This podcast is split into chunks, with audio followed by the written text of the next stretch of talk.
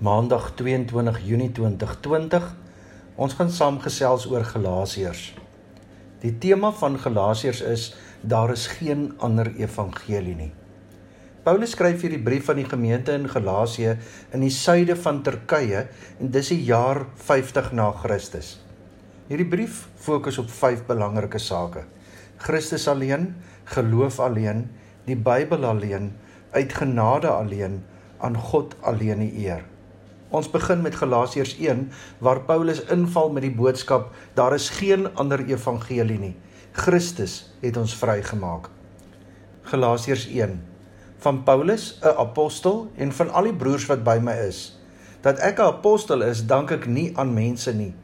Ek is ook nie deur 'n mens aangestel nie, maar deur Jesus Christus en deur God die Vader wat hom uit die dood opgewek het. Aan die gemeentes in Galasië Genade en vrede vir julle van God ons Vader en die Here Jesus Christus, wat homself vir ons sondes gegee het om ons te verlos uit hierdie goddelose wêreld en so die wil van God ons Vader te volbring. Aan God kom die heerlikheid toe tot in alle ewigheid. Amen. Dit verbaas my dat julle so gou van God wat julle deur die genade van Christus geroep het, afvallig word en 'n ander evangelie aanneem. Daar is geen ander evangelie nie. Tog is daar mense wat die evangelie van Christus probeer verdraai en dit is hulle wat julle in verwarring bring.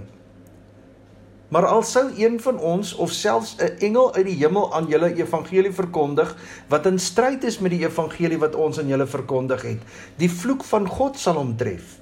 Ons het dit voorheen al gesê en ek sê dit nou weer. As iemand aan julle evangelie verkondig wat in stryd is met die evangelie wat julle ontvang het, die vloek van God sal hom tref.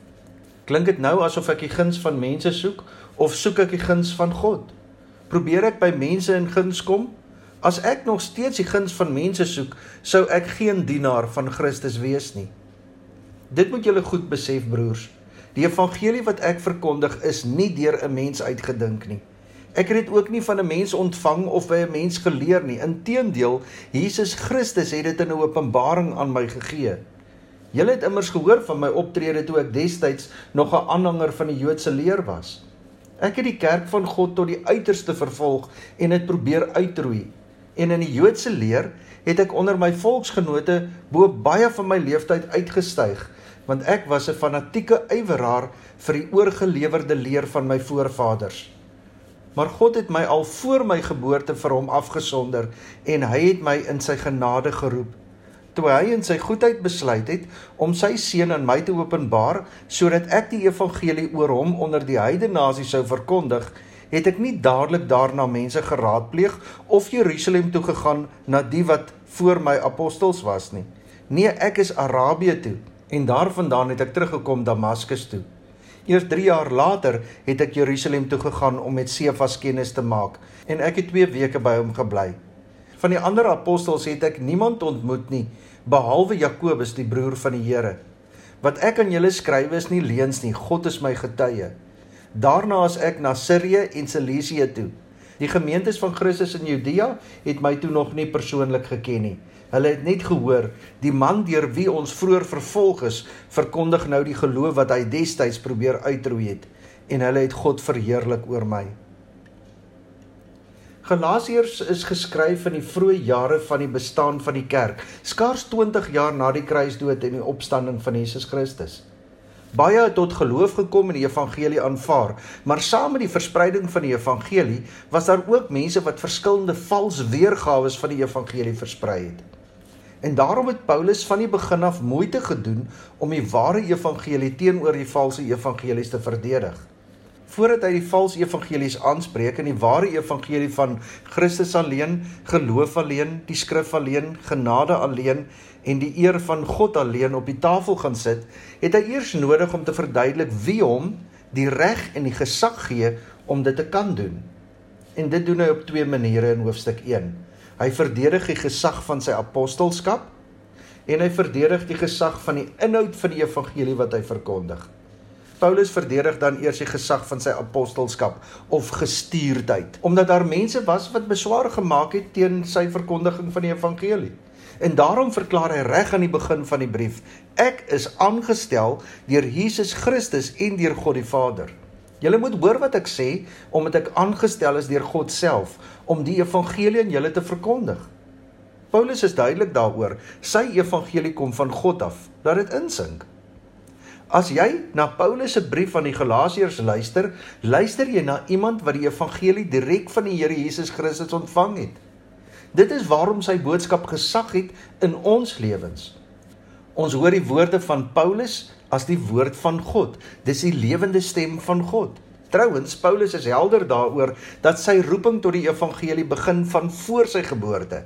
Galasiërs 1 vers 15 en 16. Maar God het my al voor my geboorte vir hom afgesonder en hy het my in sy genade geroep toe hy in sy goedheid besluit het om sy seun aan my te openbaar sodat ek die evangelie oor hom onder die heidene nasies sou verkondig. Paulus sê dat ek 'n apostel is, 'n gestuurde is, dank ek nie aan mense nie. Ek is ook nie deur mense aangestel nie, maar deur Jesus Christus. Maar ten diepste gaan dit eintlik oor die inhoud van die evangelie wat hy verkondig, die gesag van Christus self. Paulus verdedig dus in die tweede plek die gesag van die inhoud van die evangelie wat hy verkondig, omdat daar mense was wat die evangelie wou afwater. Paulus sê dat die evangelie om Christus en om hom alleen draai. Nou hoekom is dit so belangrik? Kan 'n mens nie maar verskillende interpretasies van die evangelie toelaat, selfs al wyk dit op plekke af van die uitsprake van die skrif nie? Gaan dit nie meer oor verdraagsaamheid eerder as suiwerheid nie? Wel oordeel self of Paulus so verdraagsaamheid van verskillende interpretasies sou geduld het as dit in stryd was met die woord. Wat sê Paulus?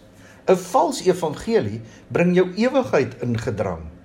Ek is verstom dat julle so gou van hom wat julle deur die genade van Christus geroep het, wegdraai na 'n ander evangelie. Daar is nie 'n ander evangelie nie. Wat die Galasiërs moet raak sien, is dat die evangelie op die spel is. Al wat die valse evangelies doen, is dat dit die mense verwar en die evangelie van Christus verdraai. Daarom selfs as ons of 'n engel uit die hemel 'n evangelie aan julle verkondig in stryd met wat ons aan julle verkondig het, laat hom vervloek wees, sê Paulus. So iemand, iemand wat so evangelie verkondig, sê Paulus, speel met die evangelie, speel met mense se lewens, verwar en verduister die enigste ware evangelie. Daar's net een woord wat vir so iemand kan geld. Laat hom vervloek wees. Die rede vir hierdie waarskuwing is dat 'n ander evangelie jou ewigheid in die gedrang kan bring. Die vloek wat Christus vir ons aan die kruis verwyder het, sê Paulus, bring mense terug as hulle die evangelie verwerp of verander omdat hulle mos vir Christus wegneem. Hoekom? Want die hele doel van die evangelie is om jou uit die bose bedeling te red. Christus het ons kom vrymaak, niks of niemand anders nie. In elkeen van die volgende 5 hoofstukke in die brief van die Galasiërs brei hy dan uit op hierdie verskillende valse evangelies. Ons gaan saam daarna kyk. Wat jou nie vrymaak van jou sondige denkpatrone nie, wat jou nie vrymaak van jou sondige praktyke nie, wat jou eerder op jou eie vermoëns laat staatmaak as op God, wat jou keer om te leef uit die beloftes van die skrif, wat jou aanmoedig om die genade te misbruik om sonde te doen, en wat jou eerder laat leef vir jouself en vir jou eie behoeftes as vir God en jou medegelowiges in. Want as jy onderskeid maak tussen gelowiges, dan is jy besig met 'n ander evangelie. Die beginsel van Christus alleen kom dan in gedrang. As jy vertrou op die wet eerder as op God, asof jy nie alleen deur geloof gered word nie, dan het jy met 'n ander evangelie te maak. Die beginsel deur geloof alleen kom dan in gedrang. As jy nie leef uit die beloftes van die skrif nie en byvoorbeeld die nakoming van die wet of erger nog 'n stel kultuurreëls se vereis te maak, het jy te doen met 'n ander evangelie. Die beginsel van die Bybel alleen kom dan in gedrang. As jy die genade misbruik om sonde te doen, ek is gered en daarom kan ek doen wat ek wil, dan het jy met 'n ander evangelie te maak. Dit bring die beginsel van uit genade alleen in gedrang. As jy vir jouself leef eerder as vir God en jou medemens, dan het jy met 'n ander evangelie te maak. Dit bring die beginsel van aan God alleen die eer en gedrang. Daar is geen ander evangelie nie. Enige ander evangelie bring jou ewigheid in gedrang, want daar is net verlossing in Christus beskikbaar. Daar is geen ander evangelie nie.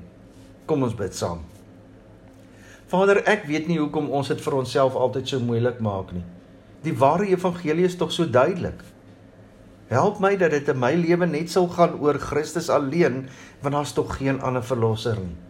Geloof alleen. Ek word nie gered deur die doop, my gawes of enige ander aksies nie. Die skrif alleen help my om alles aan u woord te toets. Genade alleen. Niks wat ek doen kan my red nie. Ek is nie beter as enige iemand anders nie. Daarom Vader, aan u alleen die eer. Here skenk aan ons die genade lig waar ons net donker sien, moed waar ons vrees, hoop waar ons wanhoop, vrede waar ons gemoedere storm, vreugde waar ons hartseer is, krag waar ons swak is, wysheid waar ons verward is, sagtheid waar ons bitter is, liefde waar ons haat.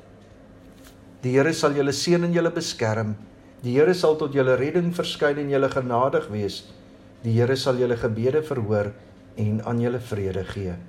Dis ända tack för snart